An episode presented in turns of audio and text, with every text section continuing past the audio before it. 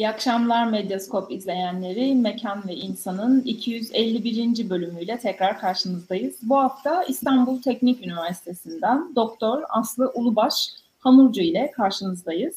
Ve kendisinin dijitalleşme çağında yeni bir çalışma mekanı olarak Metaverse ve sosyoteknolojik bir grup olarak da dijital göçebeleri odağına aldığı e, çalışması üzerine bir sohbet gerçekleştireceğiz. Fakat bugünkü sohbetimize başlamadan önce biz Aslı ile bu programı e, iki ay öncesi için e, planlamıştık, gerçekleştirmeyi planlamıştık. Fakat e, ne yazık ki 6 Şubat'ta yaşanan deprem felaketinin ardından biz de bu programı öteledik. E, ve biz e, bu program için sevgili Aslı'nın çok uzun zamandır da e, yürüttüğü Özgürlük Kurdu e, isimli ve Instagram hesabından ve Mekan ve İnsan'ın Instagram hesabından ortak olarak bir e, çekiliş başlatmıştık. Bu çekilişin kazananlarına da İdeal Kent yayınlarından çıkan Aslı'nın bölüm yazarlarından birisi olduğu, benim de derleyeni olduğum mekana ve insana dair güncel yaklaşımlar, tartışmalar ve çalışmalar kitabımızın birer kopyasını hediye edeceğimizi söylemiştik. Üç talihlinin e, ismini de canlı yayında vereceğimizi söylemiştik. Ben dolayısıyla Aslı'ya sözü vereyim. Hem diyeyim hem de talihlilerimizin isimlerini e, belirtmek için sana sözü vereyim. Buyur Aslı. Beklemediğim yerden geldi. Öncelikle hoş buldum. Hemen açtım, şey yaptım, hazırladım. Ee, öncelikle hoş buldum. Herkese merhaba. Ee, üzücü deprem sebebiyle e, yakınlarını kaybedenlere başsağlığı dilemek isterim. Hazır konusu açılmışken ve yakınlara yaralı veya hasta olanlara da acil şifalar diliyorum. Ee, tabii biz bunu iki ay önce başlattık çekilişi. Farklı böyle heyecanlarla, böyle farklı bir motivasyonla başlatmıştık ama sonrasında süreci uzatıp e, bugüne kadar getirdik ve canlı yayında açıklayalım istemiştik. E, şöyle hemen ben e, kazanan talihlileri açıklayayım. E, But First Cats alttan tire. İkinci kişi Merve Altundal Öncü. Üçüncü kişi de Sinem Becerek. E, bunları yine biz Instagram sayfalarımızdan paylaşıyor oluruz. Bizlerle bir hafta içerisinde iletişim bilgilerini e, paylaşmalarını rica edeceğiz. Yine onları da özel olarak mesaj yoluyla iletişime geçmiş oluruz. E, eğer ki bu bir hafta içerisinde bizimle iletişime geçmemiş olurlarsa da yedek talihlileri de belirledik. E, onlardan devam edeceğiz sırasıyla kadar sanırım. Değil mi atladığım bir şey yoksa? Evet, atladığım hiçbir şey yok. Çok teşekkür ederim. Ben hazırlıksız yakalayacağımı bilmedim seni o yüzden olsun. Ben sanki sen söyleyeceksin gibi böyle bir rahatlıkla bekliyordum. İstiyorsan bir daha sonda ben söylerim tekrar. Olur.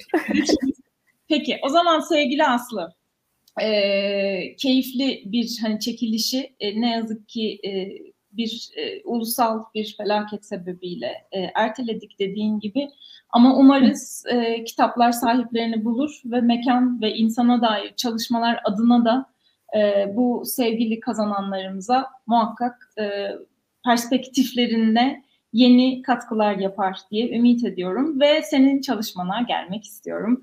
E, Metaverse hepimizin gündelik hayatta artık sıklıkla duyduğu bir kelime haline gelmeye başladı ama herkesin de Metaverse'ün tam ne olduğunu bildiğini zannetmiyorum. Hani özellikle de e, e, büyük bir grubun Metaverse'ün tam e, anlamını bilmemenin yanı sıra belki yanlış biliyor bile olabilir. Daha böyle hani oyun ve hani sanal ortamla ilişkilendiriyor olabilirler ama senin çalışman aslında Metaverse'ün e, hakikaten fiziksel yaşam ortamlarımıza da e, ciddi bir etkisi olabilecek bir dönüşümün başlangıcı olduğunu gösteriyor ve dijital dijital göçebelerden de bahsediyorsun. Mobil çalışma biçimlerinden bahsediyorsun. Dolayısıyla istersen sohbetimiz esnasındaki tüm kafa karışıklıklarını ve yanlış anlaşmaları ortadan kaldırmak adına biraz bu hani metaverse nedir, dijital göçebe nedir gibi kavramları böyle bir açarak başlayalım. Buyur söz sende. Tamam. Ee, yani öncelikle Metaverse'in kelime kökeninden biraz bahsetmemiz gerekirse Meta ve Universe'den oluşuyor. Aslında bunu Türkçeleştirirsek soyut evren olarak e, Türkçe'ye aktarabiliriz. Ama soyut evren dediğimizde aslında kafamızda çok da bir şey canlandığını düşünmüyorum. Yani tam olarak nedir bu? E, aslında Zuckerberg'in ortaya attığı bu meta platformları ile birlikte gündemimize e, oturdu diyebiliriz Metaverse. E, ancak aslında Metaverse'ün kendisi çok daha önceki yıllara dayanıyor. Yani 90'lı yıllarda e, Neil Stephenson bir e, roman yazıyor. Snow Crash zaten bilim kurgu herhalde bizim hayatımızda bu teknolojik gelişmeleri en fazla etkileyen e, roman türlerinden bir tanesi. E, ve bu romanında Stephenson bir karakter yaratıyor ve Los Angeles'ın distopik bir versiyonunda yaşayan bu karakter bu ortamdan tamamen kaçmak için sanal bir mekana dijital avatar ile geçiş sağlıyor ve buradaki sanal mekan Metaverse. Yani aslında Metaverse'ın tamamen başlangıçta geldiği nokta orası. E, bu tabii ki demin de sen bahsetmiş olduğun gibi oyun sektörünü doğrudan etkiliyor. Yani Silikon Vadisi'nde bugün e, oyun geliştirici olarak görev yapan, iş yapan şirketlerin çoğu aslında bu e, romandan çok ciddi şekilde etkileniyorlar ve bunu e, oyun bazı bir kurgu üzerinden geliştirmeye başlıyorlar. E, ona rağmen aslında baktığımızda 70'li yıllarda Multi-User Dungeon diye bir oyun geliştiriliyor. E, bu oyun da yine benzer bir niteliğe sahip. Bu ortak özellikleri şu. Çok katılımcılı, sanal bir mekanda belli başlı eylemlerin yerine getirilmesi. Ama bugüne geldiğimizde Metaverse daha farklı bir noktaya evrilmiş durumda. Yani bu sadece bir oyun sektörünün bir parçası değil. Yani biz sanal gerçeklik gözlüğümüzü takıp oyunun içerisinde hareket edip dijital avatarımızla işte belli görevleri üstlenip o oyunun sonuna varmaya çalışmıyoruz. Aslında o artık bizim için farklı bir mekan haline geldi. E, bu nedenle Metaverse'ü şöyle özetleyebiliriz. E, sanal gerçeklik temelli internet. Bu yüzden de aslında yeni nesil internet olarak da adlandırılıyor. E, ama şu an tek bir metaverse var diyemeyiz.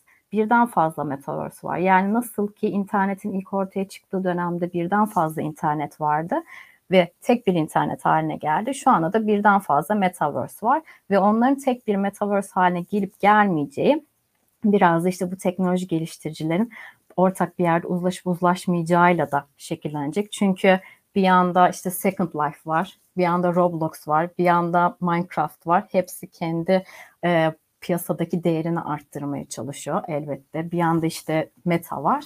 Ama e, aslına baktığımızda yani buradaki olay bizim bir e, sanal avatarımız olacak. Bu sanal avatarımıza biz e, o sanal ortama erişmek için kullanacağız. Ama Metaverse niye farklı? Yani sonuçta benim e, işte iki boyutlu bu dijital ekranda da bir avatarım olabilir. Farkı şu, biz o sanal gerçeklik gözlüğünü taktığımız zaman orada belli bir mekansal referans edilmiş olacağız. Yani biz evimizin içerisinde otururken e, kendimizi bir ofis ortamında olarak hayal edebiliriz. Mesela şu an e, biz seninle böyle bir anlık e, yayın akışı üzerinden iletişim kuruyoruz. Ama mesela şu an Medyascope e, Metaverse'de bir e, stüdyo oluşturmuş olsaydı, üç boyutlu bir modellememiz olsaydı, işte bütün reji, kameramanların hepsinin bir avatarı olmuş olsaydı, e, demin bütün o hazır mıyız şeylerin orada canlı bir şekilde yapacaktık. İşte masamızda oturuyoruz, masada oturmuş hissini yaşayacaktık. Çünkü hem fiziksel mekanı hissetmiş olacaktık. Hem de o dijital alanda hepimiz aynı yerde olacaktık ama farklı coğrafyalarda. Mesela ben şu an belki de dünyanın öteki ucundan bağlanacaktım. Rejide çalışan arkadaşlar öteki ucundan bağlanacaklardı. Yani İstanbul'da olmamız asla gerekmeyecekti. Yani aslında Metaverse bir çeşit e, bu e, sanal ortamda bizim bu biraz daha e, etkileşimimizi artıracak, deneyimimizi artıracak imkanları sunan e, sanal ortamın ismi. Yani e, şimdiye kadar hani belki izleyicilerimiz de e, biraz daha böyle aşinadır. Özellikle Z kuşağı, alfa kuşağı onlar biraz daha bu konuya hakim. Yani sanal gerçeklik gözlüğünü taktığımızda nasıl ki sağa sola hareket ettiğimizde o mekanı deneyimliyorsak Metaverse'de biraz daha o işin içine hareket giriyor belki işte sensörlerle ses, koku algılama ya da işte e, giyilebilir teknolojilerle belli başlı şeylerin hissedilmesi olabilir. Ya da artırılmış gerçeklik gözlükleriyle fiziksel mekanı da arkada görüp üstüne bindirme yöntemiyle de bir görüntü elde etme olabilir. Ama tabii ki bu henüz böyle geliştirilme aşamasında ve e, özellikle pandemiyle birlikte oyun sektörünün dışında oyunlaştırılmış bir deneyim ısınmaya döndü. E, ama bir yandan da pandemide insanlar dışarıya çıkamadıkları için mesela örneğin Metaverse'de konser düzenlendi. Binlerce insan o konserler için biletler aldı. Yani fiziksel mekanda olmayan fiziksel sanatçının çıkmadığı bir konsere bilet satıldı. Yani atıyorum işte e, örnek vermem gerekirse Ariana Grande avatarı var. Tamamen onun gibi hareket ediyor. Onun gibi mimikleri var. Ama orada değil. Belki de o an o e, metaverse'in içinde bile değil. Yani tamamen avatara hareket ediyor. Veya Türkiye'den birkaç tane örnek vardı. E, sizi hareketlerinizi, mimiklerinizi tamamen modelliyorlar avatarınızla birlikte. Ve sonrasında mesela klip çekebiliyorsunuz. Ya da o e, klip sonsuza kadar devam edebiliyor gibi. Biraz daha böyle eğlence sektörü. Çünkü insanlar dışarıya çıkamadığı için eğlence sektörü, işte rekreasyonel amaçlı, farklı yerleri görelim, deneyimleyelim gibi örnekler ortaya çıktı. Çalışma noktasına geldiğimizde ise büyük ve orta ölçekli şirketler e, baktılar ki bir yerden sonra bu Zoom, işte Microsoft Teams e, çok fazla çalışanlara e, rahatlık sunmuyor. Çünkü bir yerden sonra yoruluyorsunuz. Dikkat dağınıklığı yaşıyorsunuz. İnternet altyapısı nedeniyle kopukluklar yaşanabiliyor ya da insanlar arasındaki etkileşim kopmaya başlıyor. Çünkü sürekli bir ekran var arada. E, bu sebeple de Metaverse'ü kendi için bir çalışma mekanı haline getirmeye çalıştılar. Yani e, biz hani or ortama bağlanalım, işte avatarlarımız olsun yine biraz oyunlaştırılmış bir şey. Biraz daha bu işin içerisine bir böyle bir e, çeşni katalım ve sonra hani orada insanlar e, işte modellenmiş olan mekan içerisinde farklı alanlarda mesela birbirlerinin yanına gidip işte hem sosyalleşebilsinler. Hani sanki bir kahvemizi alıyoruz da mola verdik çalışma ortamında. Gittik orada konuşuyoruz. Sonra geliyoruz çalışmamızın yanına devam ediyoruz. İşte toplantı düzenliyoruz gibi. Bunu biraz daha farklı bir noktaya getirdiler. Ee, yani Metaverse ve e, çalışma noktasının aslında o çalışma ortamının modellenmesi üzerinden bir durum e, gelişti. Ve e, baktığımızda aslında buradaki temel e, farklılık tamamen mekansal bir referans sunuyor olması. Yani bizim tamamen orada bir çalışma ortamındaymışız hissini bize veriyor olması e, ve mesela kendi evimizde çalışıyorken sanki ofiste gibi hissetmemizi e, sağlıyor olması. E, bu noktadan e, dijital göçebeler noktasına geçeyim mi? Çok böyle hızlı bir geçiş olur mu? Ee, olmaz çünkü tam da ben istersen araya bir soruyla yumuşatayım o geçişi. Tamam. Metaverse tabii ve Metaverse'ün aslında şu an hala çalışma aşamasında olan sürecini anlatırken şöyle bir şey de düşünmedim değil. Hakikaten paralel evrenlerin olabileceği. Dolayısıyla aynı anda hani Harry Potter'ın e, sihir okulunda öğrenip aynı anda farklı yerlerde olabilmeyi de sağlayabilecek bir şey. Bunu çalışmayla ilişkilendirince korkutucu geldi bana doğrusu. Çünkü çevrim içi çalışmanın bile zaman mevhumunu neredeyse ortadan kaldırdığını bildiğim için e, hepimiz özellikle uzaktan çalışmayı deneyimleyen e, meslek gruplarına e, sahip olduğumuz, e, sahip olan grupların e, kolaylıkla anlayabileceği bir şey olduğunu düşünüyorum. Zaman kalmadı hafta içi hafta sonu ya da saatler, ofis saatleri ya da çalışma saatleri. E, Metaverse bununla birlikte bir de paralel evrenleri de getirir. Yani benim mimiklerimi e, modellendikten sonra benim derslerim bir kere kaydol kaydolunca e, onu bir yerde verirken ben başka bir yere toplantıya katılabiliyor olurum. Korkutuculuğu geldi bana. Evet, korkutucu bir yanı var. Bir şey. Yani hani bu birazcık daha zaten mevcut günümüzde yaşadığımız ve yaşamakta olduğumuz bir şeyde tekabül ediyor. Diyeyim ben ara geçişi kötü yapmadım sanırım ya. Yok. senin bu e, korktuğun noktadan biraz bahsedeyim. Aslında hani bu işlerin e, gelişme sebebi ne? Aslında e, teknolojinin temelde bu kadar fazla sanal ortama kayması e, normalde bireyi özgürleştirme hedefiyle yani biraz daha böyle distopik değil ütopik bir e, hayal üzerinden kuruluyor. Yani aslında baktığımızda bizim e, gereksiz olarak adlandırılan bu e, hayal içerisinde işte mesela işe gitmemiz, e, bir zaman kaybı olarak işte çünkü ulaşımda vakit kaybediliyor. Önemli bir e, yani emeğin ötesinde zaman da belli bir e, ödenek gerektiriyor aslında. E, kaliteli iş gücü açısından. E, bunun gibi şeyler de aslında biraz daha bireyi özgürleştirip ona daha fazla boş zaman e, bırakmak için aslında. Yani mesela o dijital avatar senin için o dersi verirken çünkü neden? Senin artık e, bir avatarın var, modellendin, arkada yapay zeka çalışıyor, senin bütün anlatacağın konuyu zaten oraya koymuşsun. Ee, anlatacağın şeyleri belki koydun. O senin için onu anlatırken sen kendine aslında zaman ayıracak pozisyona giriyor olman gerekir. Yani seni böyle atomlarına parçalayıp bir sürü iş aynı anda yapıyorsun gibi değil de mesela toplantıya da başka bir avatarın girecek diye hayal ediliyor. Ee, ki böylelikle işte biz daha böyle e, başka belki faydalı şeyler için e, zamanımız ayıracağız. Ama dijital göçebelik e, bundan da öncesindeydi. Yani dijital göçebe dediğimiz aslında değişen sabit konumlardaki çalışma faaliyeti. Yani e, bunun da sağlayıcısı nedir? İnternet, mobil telefon, mobil cihazlar ve teknik altyapı. E, bu da yine aslında 90'lı yıllara e, tekabül eden bir gelişmesi var. Makimoto ve Manners diyor ki e, bu mobil telefon bireylere daha fazla özgür kılacak. Demin bahsettiğim konu daha fazla çalışma zamanından ayırıp kendimize boş zaman aktivitesi zamanı yaratabileceğiz diyor.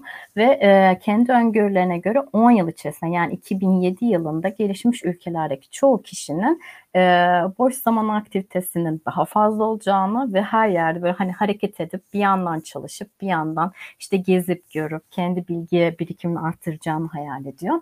E, ama tabii ki bunun olması için gerekli olan o teknik altyapı e, 2007 yılında yoktu. Bu teknik altyapı ancak şu an var. E, yani dijital göçebelik neden şu an tekrardan gündemimize geldi diye e, bakacak olursak evet dijital göçebe dediğimiz kişi e, bir cep telefonu, bir bilgisayar, internet bağlantısı varsa bir masa, masa olmasına da gerek yok, oturacağı bir yer, e, o ortamda kendi bir ofisini kurup şu an zaten sanal ofis kiralama da söz konusu. Yani evinde veya ofisinde çalışmasına gerek yok. Herhangi bir kafede de bağlanabilir e, veya bir açık alanda, kamusal alanda da bağlanabilir. E, bu altyapıya sahip kişinin uzaktan çalışması demek oluyor. Yani herhangi bir e, iş aksaması gibi bir durum söz konusu olmuyor. Ama dijital göçebeler için hem de Metaverse ilişkisini kurduğumuz zaman aslında buradaki e, durum 5G altyapısının gelişmesiyle ortaya çıkıyor. Yani Metaverse neden bu kadar gündem oldu? Dijital göçebelik tekrardan neden bu kadar arttı ve talep edilen bir şey oldu diyecek olursak 5G. Çünkü 5G eş zamanlı, yerden bağımsız ve de e, hızlı bir şekilde internet. Yani 4G'den çok farklı. 4G hızlı internet sunuyordu. Yani 3G'den farkı 4G'nin buydu ama 5G dediğimiz zaman eş zamanlı bir şekilde veriyi topluyor, tekrardan aktarıyor, paylaşıyor, iletiyor. Öyle olduğunda sizin herhangi bir yerdeki bir çalışma ile ilgili yapacağınız işlerin aksamamasını sağlıyor. Bu da tabii ki dijital göçebeliği arttırıcı, tetikleyici bir e, unsur olarak önümüze çıkıyor. E, şimdi tabii bu noktada hepimizin de deneyimlediği bir şey. Ben özellikle bunu hafta içi bir gün uzaktan eğitime geçtikten itibaren yapmaya çalıştığım bir şey bir gün dışarıda çalışmaya çalışıyorum. E, bu benim için hem e, şehirde yeni bir yerler keşfetmeye vesile olurken hem de e, konsantrasyonumu yeniden e, sağlamak için bir e, avantaj sağlıyor. E, ve bunu yaparken senin söylediklerini de şimdi dinlediğimde hakikaten şunu fark ettim. Uzaktan çalıştığımız zaman işimizin içeriğiyle ilgili çok büyük bir sıkıntı olmuyor. Evet. Ama e, aslında büyük bir şeyi de kaybediyoruz. O da nedir? Bizim işimiz akıl ve e, aklın üstüne akıl eklenmesiyle iyileşen e, bir iş. Dolayısıyla bizim o kahve aralarımız çok mühim. E, ya da birlikte yemek yiyebiliyor olmamız çok mühim. Yoksa e, işlerimizin herhangi bir tanesinin yani bürokratik olarak yapılması gereken işlerin bir tanesinin sekteye uğramasıyla alakalı değil ama e, o fikir alışverişinin kıymeti ya da o hafif bir nefes aldığın sıradaki sosyalleşmenin sana sağladığı o beyin kıvrımlarındaki farklı bir hareketlilik muhtemelen birçok yaratıcı endüstride, yaratıcı işlerle uğraşan kişiler için çok önemli. Metaverse anladığım kadarıyla bize bir noktada bu imkanı sağlayacak ama şu an henüz dijital göçebelik sürecinde senin de söylediğin gibi eksik olan belki de şey bu.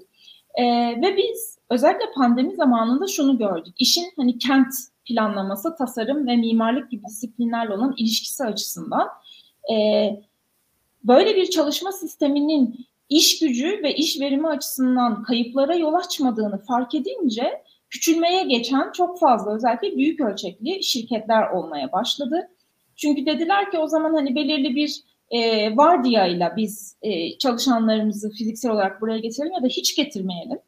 E, ve onlar işlerini yaptıkları müddetçe biz memnunuz. Tabii o işlerin, iş yerlerinin kapatılması aynı zamanda şirket için büyük bir karlılıkken kent içinde e, öngörülmeyen bir hızlı geçiş oldu. Çünkü çok büyük plazalar, işte e, büyük şirketler için büyük mekanlar genelde işte kent dışında çünkü büyük kompleksler halindeydi ve bunların boşaldığını gördük. Ama Metaverse birlikte bu büyük ve orta ölçekli şirketlerin e, hani nasıl bir geçişi olur, bunun e, planlama, mimarlık ya da mekan ve tasarımla ilgilenen disiplinlerle ilişkisini nasıl öngördün ve bu konuda ne gibi düşüncelerin var deyip böyle çok büyük genel bir soruyu sana atıp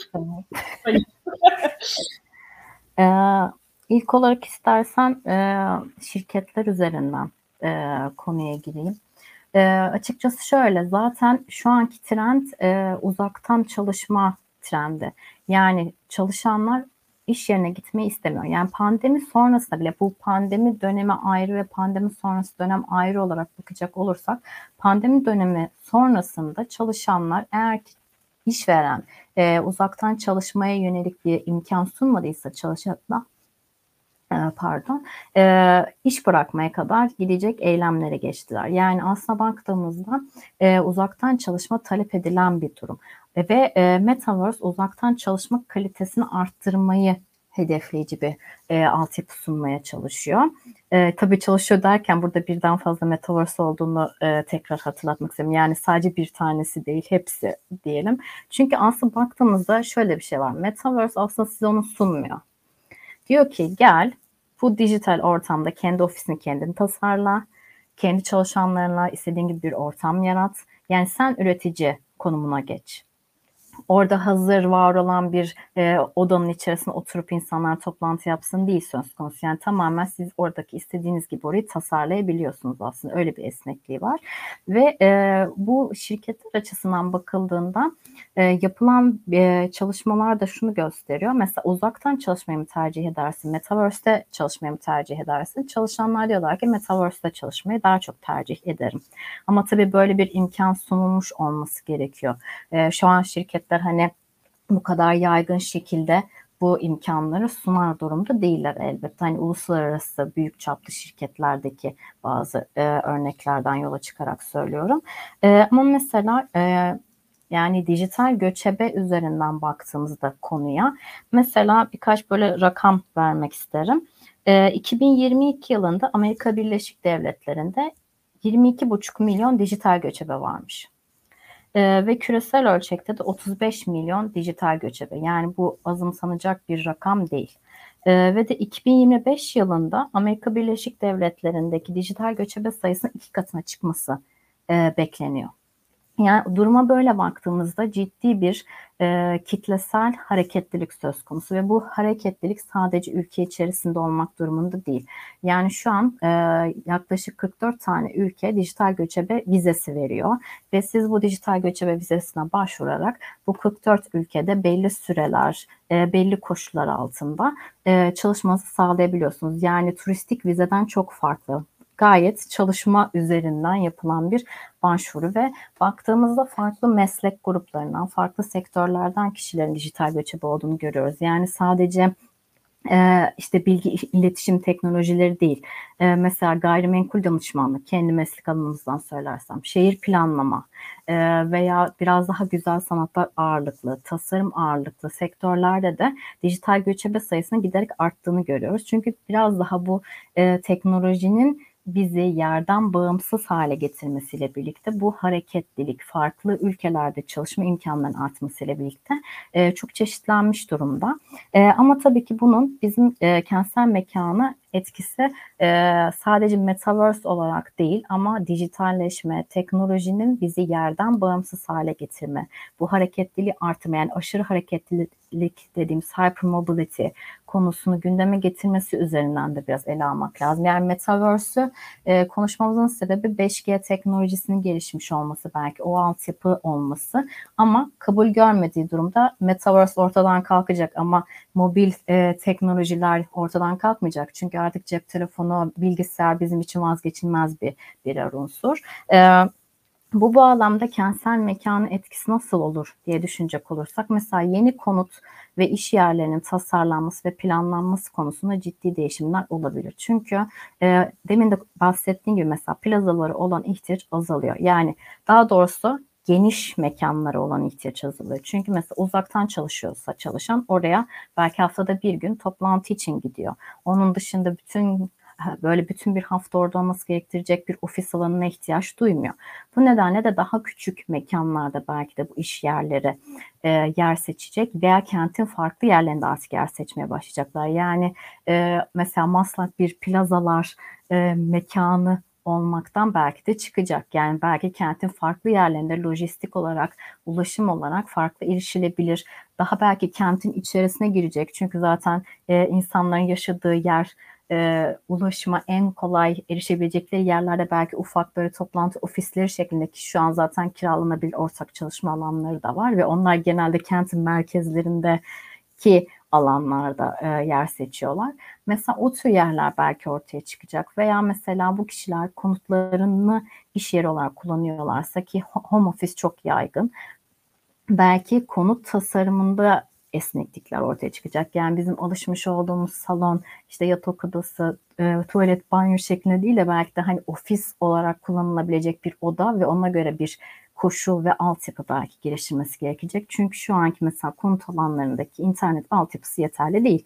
Her yerde e, fiber internet de yok. 5G altyapısı zaten yok. Henüz yaygın değil. Buna göre bunu ama bir bütün olarak düşünmek gerekiyor. Yani olmaması olmayacağı anlamına gelmiyor. Yani o altyapının geleceğini hayal ederek e, o konut alanlarını, o iş yeri alanlarını, yer seçimini, arazi kullanımını buna göre öngörmek gerekiyor. Yani yaptıktan sonra o fiziksel mekan o kullanıma ev sahipliği yapamıyorsa o fiziksel mekan tekrar bir değişime, dönüşüme girmesi gerekir. Yani kentsel dönüşüm de de daha önceki programdaki konuyu buraya çekecek olursam yani kentsel dönüşüm yaparken de mesela bu tür konuları biraz daha düş, artık düşünmemiz lazım. Yani iş yerlerinden e, arta kalacak veya iş yerleriyle ilişkili alanlardan arta kalacak ya da belki de sosyalleşmenin belli alanlarında artık kalacak olan alanları biz belki de farklı kullanımlar için kullanmaya başlayacağız ve arazi kullanımında belli bir değişim söz konusu olacak. Yani belki bir azalış, belki bir artış yani mekansal bir büyüme veya küçülme de olabilir. Veyahut e, arazi kullanım çeşitliliğinde artış azalış da olabilir. Yani mesela belki bizim plan lejantımızdan belli başlı maddeler eksilecek ama başka maddeler de eklenecek olabilir. Tabii ki bunu hani öngörmek şu an için çok mümkün değil. Yani bunun e, pandemide çok hızlı bir gelişmeyle, çok hızlı bir atakla mekan değişmeye başladı ve bu talep görmeye başladı. Ama e, şu an hani kesin şu ortadan kaybolur. Bu gelir gibi bir şey söylemem. Çok doğru olmaz. Yani çok spekülatif olur. Onu da e, yapmak istemem. Ama e, genel olarak baktığımız yani kent mekanında bir değişim tetiklenici e, aşikar. Çünkü mesela yer seçimi değiştiği zaman ulaşım ulaşım türleri veya mesela bu tür e, dijital göçebeler genelde daha paylaşımlı araç kullanmayı e, tercih ediyorlar veya işte kiralama gibi şeyleri tercih ediyorlar. Bu durumda e, o kiralama noktaları işte paylaşım mesela işte Martı bir problem oluşturdu.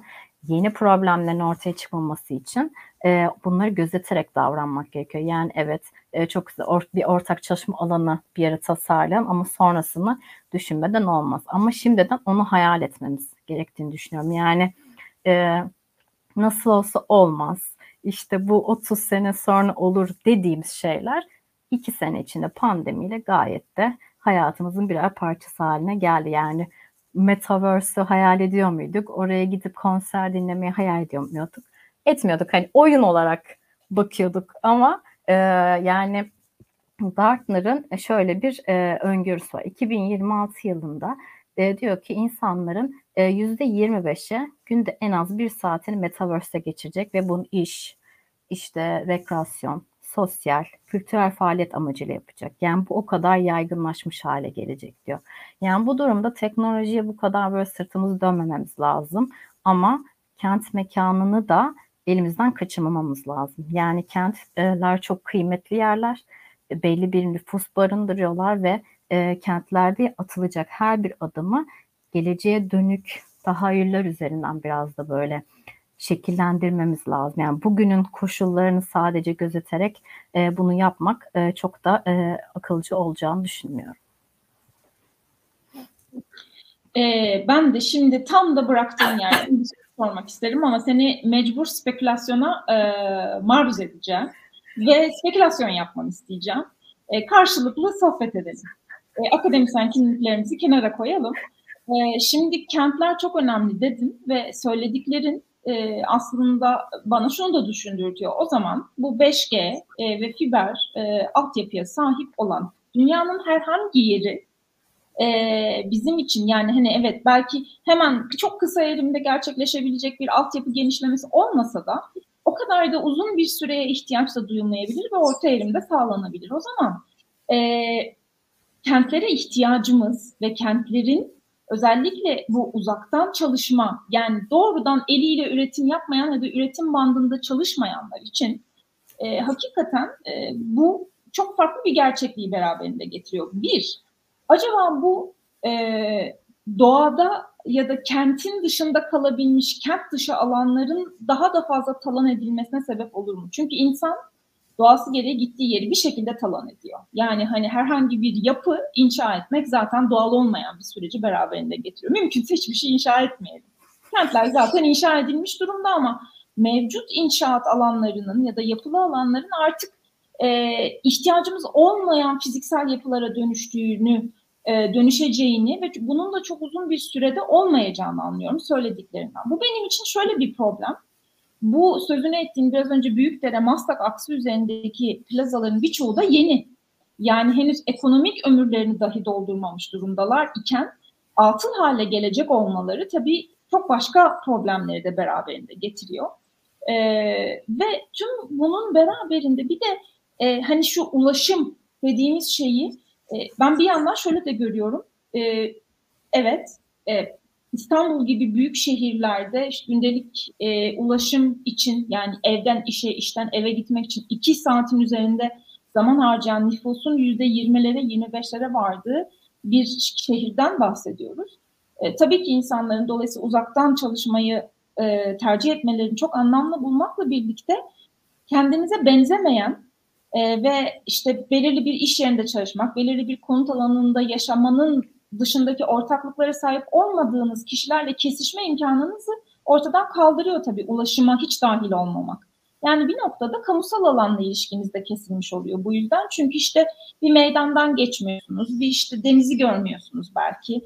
Ee, ya da orada müzik yapan bir e, sokak sanatçısını duymuyorsunuz gibi. Yani kenti kent yapan önemli meselelerden de uzaklaşmaya başlıyoruz. Ya da başlar mıyız? E, bu spekülasyonu yapmanı isteyeceğim. Kusura bakma. Mecbursun. Ee, yani açıkçası ben bunu e, şöyle ikiye ayırıyorum. Yere bağlı olma ve yere bağımlı olma. Ee, şimdi internet bizim yere bağımlı olmamızı e, ortadan kaldırıyor. Yani biz herhangi bir yer mesela şimdi aslında 4G, işte 5G, 3G bunların hepsi mobil interneti e, ortaya çıkardı. Ondan öncesinde biz ne yapıyorduk? İşte e, internet soketine bilgisayarımıza takıyorduk. Orada olmamız gerekiyordu. Ama şimdi artık internete Wi-Fi ile ya da işte e, mobil olarak erişebiliyoruz. Ve bu sayede aslında yere bağımlı değiliz ama yere bağlıyız. Çünkü biz hala bir mekanla aidiyet kurma ihtiyacı duyuyoruz. Yani bu mekanın fiziksel olarak bir şekilde var olması gerekiyor. Bu fiziksel olarak bu mekan var olmasını ve o mekansal canlılığı aslında devam ettiren şey de senin tam olarak bahsettiğin işte kamusal mekanlar, kamusal alanlardaki o kesişmeler, yani aslında toplumu ve kültürü oluşturan, insanların bir araya gelmesini sağlayan o mekanları e, korumak. O yüzden de aslında ben biraz daha bu e, dijitalleşmenin etkisini o mekanların da çeşitlendirilmesi ve zenginleşmesi üzerinden e, değerlendirmeye çalışıyorum. Yani teknolojiyi tamamen böyle bir katastrofik e, bir noktaya getirip insanları işte Matrix'te ya da çeşitli dizilerdeki ve filmlerdeki gibi böyle e, takıyorsun ya da bağlantı kuruyor gidiyor öbür tarafa burada sadece vücudu kalmış bir noktaya gelmemesinin önüne geçmek adına yani aslında o fiziksel mekanı e, la olan o bağını kurmaya ve devam ettirmeyi sağlamak adına ikisinin iç içe geçtiği aslında biraz daha böyle fijital dediğimiz yani fiziksel ve dijitali bir araya getiren mekansal deneyimlerle birlikte mekanın çeşitlenmesi üzerinden bir spekülasyon yapabilirim ki bu da kendi doktora tez konumla gene bağlanmış olacak. Yani şöyle aslında biz fiziksel mekandaki dijitalleşmenin etkisini çok yakınımızda görüyoruz. İşte mesela bir cephe giydirmesinde e, çokça belki son zamanları görmüşsünüzdür. Özellikle Instagram'da çok fazla dönen reeller var. İşte bir cephe giydirmesi var. Orada böyle bir animasyon dönüyor. Çok gerçekçi. Sanki böyle bir kaplan üstünüze atlayacakmış gibi ya da işte o cephe aşağı dökülüyormuş gibi falan çok gerçekçi şeyler yapılabiliyor. Ve bunlarla bazen mesela etkileşime geçilebiliyor ve e, mesela oyun şeklinde olanları var. Kamusal mekanın daha fazla deneyimlenmesi, o kamusal mekanlı fiziksel aktivite ve eylemler üzerinden orayı tanımak, orayla biraz daha böyle bir anı ve deneyim üzerinden bir şeyler üreterek o kamusal mekanı deneyimlemek ve sahiplenmek üzerine çeşitli uygulamalar var. Bunun dışında e, demin bahsetmiş olduğumuz yani dijitalleşmenin kamu yani genel olarak kent mekanını ortadan kaldırdığı ve artık hiç gerek duyulmayan çeşitli fonksiyonlar da var ve onlar artık özellikle mesela e-ticaret üzerinden konuşmamız gerekirse biz artık e, kent içerisinde belli başlı ürünlerin satışını e, çok da rahat bulamıyoruz. Herhalde anca böyle uf, e, mahalle kültürünü devam ettiren yerlerde bulabiliriz. Yani bir mesela züccaciye atıyorum tuhafiye gibi e, yerleri çok da bulmak aslında artık kolay ya da mesela kırtasiyeler bile kapanmaya başladı. Çünkü niye? E-ticaret üzerinden o kişi o dükkanı açmadan bile satış yapabiliyor. Yani e, o mekana artık ihtiyacı yok. Yani bir showroom, bir gösterim noktası olarak ürünleri satması gerekmiyorsa mesela işte giyim firmaları bile kendi metrekare alanlarından küçültüyorlar. İşte Mesela bu e, teknik teknolojik ekipman alet satanlar bile artık metrekare olarak dükkan boylarını daha küçük yerlerden seçmeye çalışıyorlar. Bu açıdan baktığımızda yani mekanda ciddi bir şekilde böyle bir e, yani kullanımın gerektirdiği metrekarenin değişmesi söz konusu olacak ama mesela dijital bir deneyimle fiziksel bir deneyimi bir arada sunmamız gerektiğinde ise belki de daha büyük alanlara ihtiyaç duyacağız. Yani mesela ben bir sanal gerçeklik gözlüğü taktığım zaman e, mesela e, şey gibi olsa şimdi spekülasyon yapalım. Mesela Kadıköy e, meydanı olsun. Kadıköy meydanında eski dönemdeki bir e, olayı mesela canlandırıyor o simülasyon diyelim. İşte Metaverse bize diyor ki mesela çok öncelerdeki bir Cumhuriyet Bayramı kutlaması olsun. İşte bu mesela denizdeki o bütün tekneler, yelkenliler falan hepsini modellemiş. Biz sanal gerçeklik gözlüğümüzü takıyoruz. Ama şimdi hareket etmem için benim belli başlı ekipmanlara ihtiyacım var ya da bunu artırılmış gerçeklik gözlüğüyle yapmam lazım ki çevremi göreyim. Ama öbürünü taktığım zaman hiçbir şey göremiyorum. Beni bir şeyin yönlendirmesi gerekiyor. Veya benim dengemin kaybını sağlamamı yani dengemi kaybetmemi sağlamak için belli bir kablonun beni tutması gerekiyor. Yani bu gibi şeyleri düşündüğümüzde mesela işte kamusal mekanda ya da e, kamu eliyle oluşturulan mekanlarda diyelim e, bu türden böyle farklı deneyim alanları yaratılabilir. Mesela şu an e, çoğunlukla kütüphane e, oluşturuluyor. Özellikle İstanbul'da e, öğrencilerin bir araya gelebileceği, sosyalleşebileceği hem işte hani kütüphane e, ihtiyacını karşılayan hem çalışma ortamı ihtiyacını karşılayan hem de içinde kafesi olan işte internet altyapısı olan alanlar. Ama mesela bu alanlarda belki ileride e, bu ihtiyaçları artık karşılık gelmeyecek olabilir. Gerek kapasiteleri gereği gerek de mesela faaliyetlerin çeşitlenmesiyle. Yani belki mesela orada yine böyle bir dijital ve fiziksel deneyimi bir araya getirecek belki ayrı bir oda, belki bir açık alan. Yani çünkü sonuç olarak sadece kapalı alanda da olmak durumunda değil. Yani bu tür deneyim alanları belki tasarlanıp kent içerisinde farklı yerlerde yerleştirecek ya da mesela e, Haydarpaşa Garı'nın arkasında bir arkeolojik e, sit alanı ortaya çıktı ve bu alanın mesela belki üç boyutlu modellemesiyle orada o alanı gezmek, dolaşmak gibi şeyler söz konusu olacak. Yani e, burada aslında metaverse veya işte dijital sanal gerçekliğin bize sunduğu şey mesela dezavantajlı bir gruba e, mensupsak ve fiziksel bir engelimiz veya e, ekonomik bir engelimiz varsa mesela oraya gitmeden kendi bulunduğumuz mekandan da onu aslında birebir deneyimleme şansını elde etmiş oluruz. Yani biraz daha bu evet mesela belki bizim teknoloji ayrı bir bireyselleşmemizi de sağlıyor. Ama Metaverse üzerinden konuyu ele alırsak mesela birden fazla kişiyle birlikte oraya e, bağlanarak belki de onu tecrübe edebileceğiz. Yani belki dışarıda göremediğimiz bir arkadaşımıza diyeceğiz ki hadi gel şurada buluşalım. İşte bir yandan sohbet ederiz. Bir yandan onu yaparız. Ben evden çıkamıyorum bugün. İşte gel burada görüşelim falan deyip belki de öyle bir e, üç boyutlu e, simülasyonun içerisinde belki de e, sosyalleşeceğiz ki zaten pandemi döneminde olan da bu. Yani e, insanların farklı çeşitli arayışlar ve kaçışlar içerisinde olması da bu durumun çeşitlenmesine sağlamış durumda ve Metaverse'de böyle çeşitli e, mesela tarihi eserlerin e, üç boyutlu simülasyonları var mevcut. Daha önceden de vardı ama hani oraya da aktarılmış durumda birebir dijital ikizleri üzerinden. Yani bir yandan evet bizi böyle e, ne diyeyim yani demin dediğim gibi aslında hani bireysel olarak farklı bir kopukluk noktasına getirme durumu hep böyle bir tehlike var.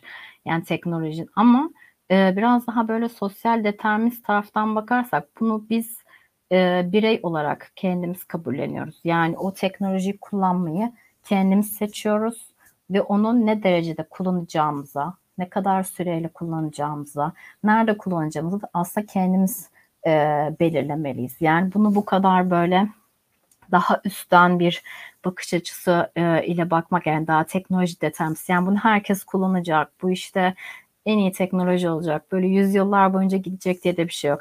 Yani çok ilerleyen bir dönemde belki de diyeceğiz ki e, internetten e, artık vazgeçelim. Gelin e, eski döneme dönelim, interneti kapatalım.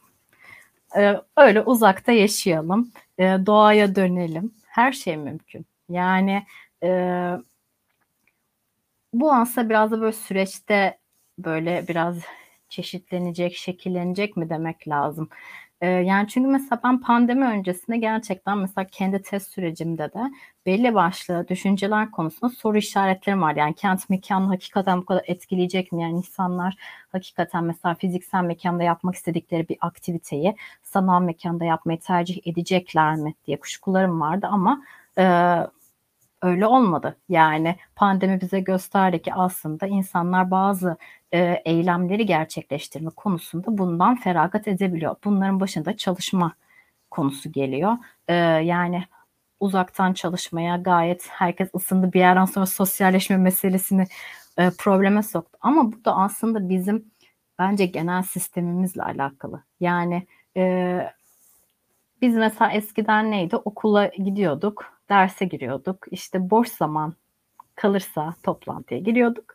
Toplantı için zaman yoksa o toplantı saati başka bir zaman erteleniyordu. Yani e, çalışma saati 24 saat ve 7 gün olarak tariflenmemişti. Bence burada aslında belli sınırların aşılması söz konusu. Yani biz eğer teknolojiden faydalanacaksak ve bunu bu şekilde uzaktan eğitim, işte uzaktan çalışma gibi e, konularda bundan yararlanacaksak biraz bunların düzenlenmesi gerekiyor. Yani insanların özel hayatlarına aşan noktaların e, bu kadar aşılmaması lazım ki o teknolojiyi biz niye kullanmıştık en başta dönecek olursak amacımız boş zamanlarımızı arttırmak. Yani yapay zekanın geliştirilme sebebine insanların manuel olarak yaptığı e, o işte mesela o tek tek tek girilen işlerin hepsini ortadan kaldırmak.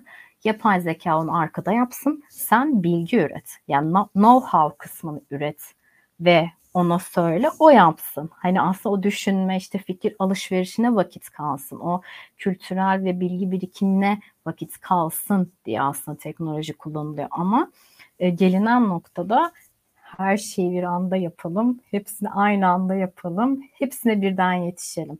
Ama öyle bir şey söz konusu değil. Yani paradoksal bir durum var. Hani o olunca o oluyor, o olunca o oluyor. Böyle sonu gelmez bir kısır döngü. Umarım spekülasyonumu sevmişsindir Melis. Çok, çok sevdim, çok sevdim. Ve her söylediğinle ilgili olarak konuyu açacak o kadar çok şey geldi aklıma ama ne yazık ki zamanı da olurduk. Dolayısıyla ben e, bir müsaade edersen kapatmak için bir şey söyleyeceğim ve senin eklemek istediğin bir şey olursa onu senden bir dakikada alıp evet. ardından programı kapatacağım. E, Fransa'da şu anda işte scooterlarla ilgili olarak, elektrikli scooterlarla ilgili olarak bir oylama yapılıyor. Dediğim gibi hayatımıza çok kısa süre içerisinde giren ve e, özellikle işte e, kısa mesafelerde ara toplu taşım olarak tasarlanmış olan bu sistemler e, bir anda kontrolsüz, denetimsiz ve bence hani e, öngörüsüz, biraz da öngörüsüz bir şekilde kullanılmaya başlanılmasına müsaade edildiğinde hakikaten sınırları aşıyor. E, aynı şekilde senin son söylediklerinden de zaten e, çıkardığım ve hepimizin de deneyimlediği bu oldu. E, daha fazla boş zamanımız olsun diye makinelere devrettiğimiz ya da devretmeyi tasarladığımız şeyler bizim e, zamanla olan ilişkimizi kontrolsüz bir şekilde değiştirmeye ve dönüştürmeye, hatta mekanlarla olan ilişkilerimizi de yine kontrolsüz, plansız ve öngörüsüz bir şekilde değiştirmeye ve dönüştürmeye başladığında işte bence tam da problem burada e, başlıyor. Yoksa tabii ki teknoloji düşmanı değilim. Evet biraz e, eski kafalı olabilirim mecburen. Sonuçta ben e, alfa kuşağı kuşağı kuşağı değilim. e, ama e, bu eski kafalı olmama rağmen teknolojinin nimetlerini de kullanan bir e, kuşağa mensubum. Dolayısıyla tabii ki bakış açım e, aslında bu teknolojinin değişim ve dönüşüm hem toplum hem mekan üzerindeki değişim ve dönüşümünü biraz öngörülü yaklaşarak e, bizlerin e, bu konunun hani hem pratiğinde hem de akademisinde olanların e, öngörülü davranmaları sayesinde e, bunları avantaja çevirebileceğimizi düşünüyorum. Hani dezavantajlarından kaçınıp avantaja çevirebileceğimizi düşünüyorum. Deyip yorumumu ekleyeyim. Senin son bir cümlen varsa alayım sonra program. Yani ben istediğin gibi aslına baktığımızda konunun e, öngörüsü üzerinden olumlu ve olumsuz yanlarını önümüze koyup kendi meslek alanımız açısından da baktığımızda yani bu avantaja çevirecek şekilde biraz daha proaktif davranmalıyız bence. Yani bu kadar çekingen davranmak yerine hani teknolojiyi biz kent mekanında nasıl olumlu olacak şekilde kullanabiliriz ve onu nasıl yönlendirebiliriz e, biraz daha böyle şekillendirmeye başlamalıyız. Bu noktada da e, artık e, teknoloji geliştiricileriyle ve mühendislerle de daha fazla interdisipliner bir ortamda çalışmayı umut ederek e, burada bitireyim. Yoksa ben daha devam ederim burada. evet, ben de ederim. Dolayısıyla bitiriyorum ama belki bir söz alırım senden. Çalışmanın biraz daha ilerledikçe ilerledikçe biz tekrar tekrar konuşuruz senin. Olur. Elbette. Çok teşekkür ederim sevgili Aslı bu değerli e, vaktini bize ayırdığın ve bizlerle bugünkü bu tartışmaya dahil olduğun için. Programı kapatmadan evvel İdeal Kent yayınlarından Mekana ve İnsana dair kitabını kazanan şanslı takipçilerimizin Özgürlük Kurdu ve Mekan ve İnsan Instagram hesaplarına direkt mesaj atarak isim, adres ve telefon bilgilerini iletmelerini rica edeceğiz. Biz sosyal medya hesaplarından kazananları tabii tekrar duyuracağız merak etmeyin. Ama 7 gün içerisinde e, eğer geri dönüş yapmazsanız hakkınız sırasıyla e, e, yedek talihlere geçecek duyurusunu da yapmak isterim. Gelecek hafta pazartesi Mekan ve İnsanın 252. bölümünde Yıldız Teknik Üniversitesi Şehir ve Bölge Planlama Yüksek Lisans öğrencisi Büşra Ertaş, Gebze Teknik Üniversitesi Bina Bilgisi Yüksek Lisans öğrencileri Gamze Sarı ve Asena Kübra İmran ile, ile e, taktiksel kentleşme ve kentsel açık alanlarda mekansal algının değişimi üzerine konuşacağız. Daha fazla mekan ve insan tartışması ve sohbeti için Mekan ve İnsan'ın Instagram ve Facebook hesaplarını takip etmeyi, YouTube ve Spotify kanallarına abone olmayı ihmal etmeyin. İyi akşamlar.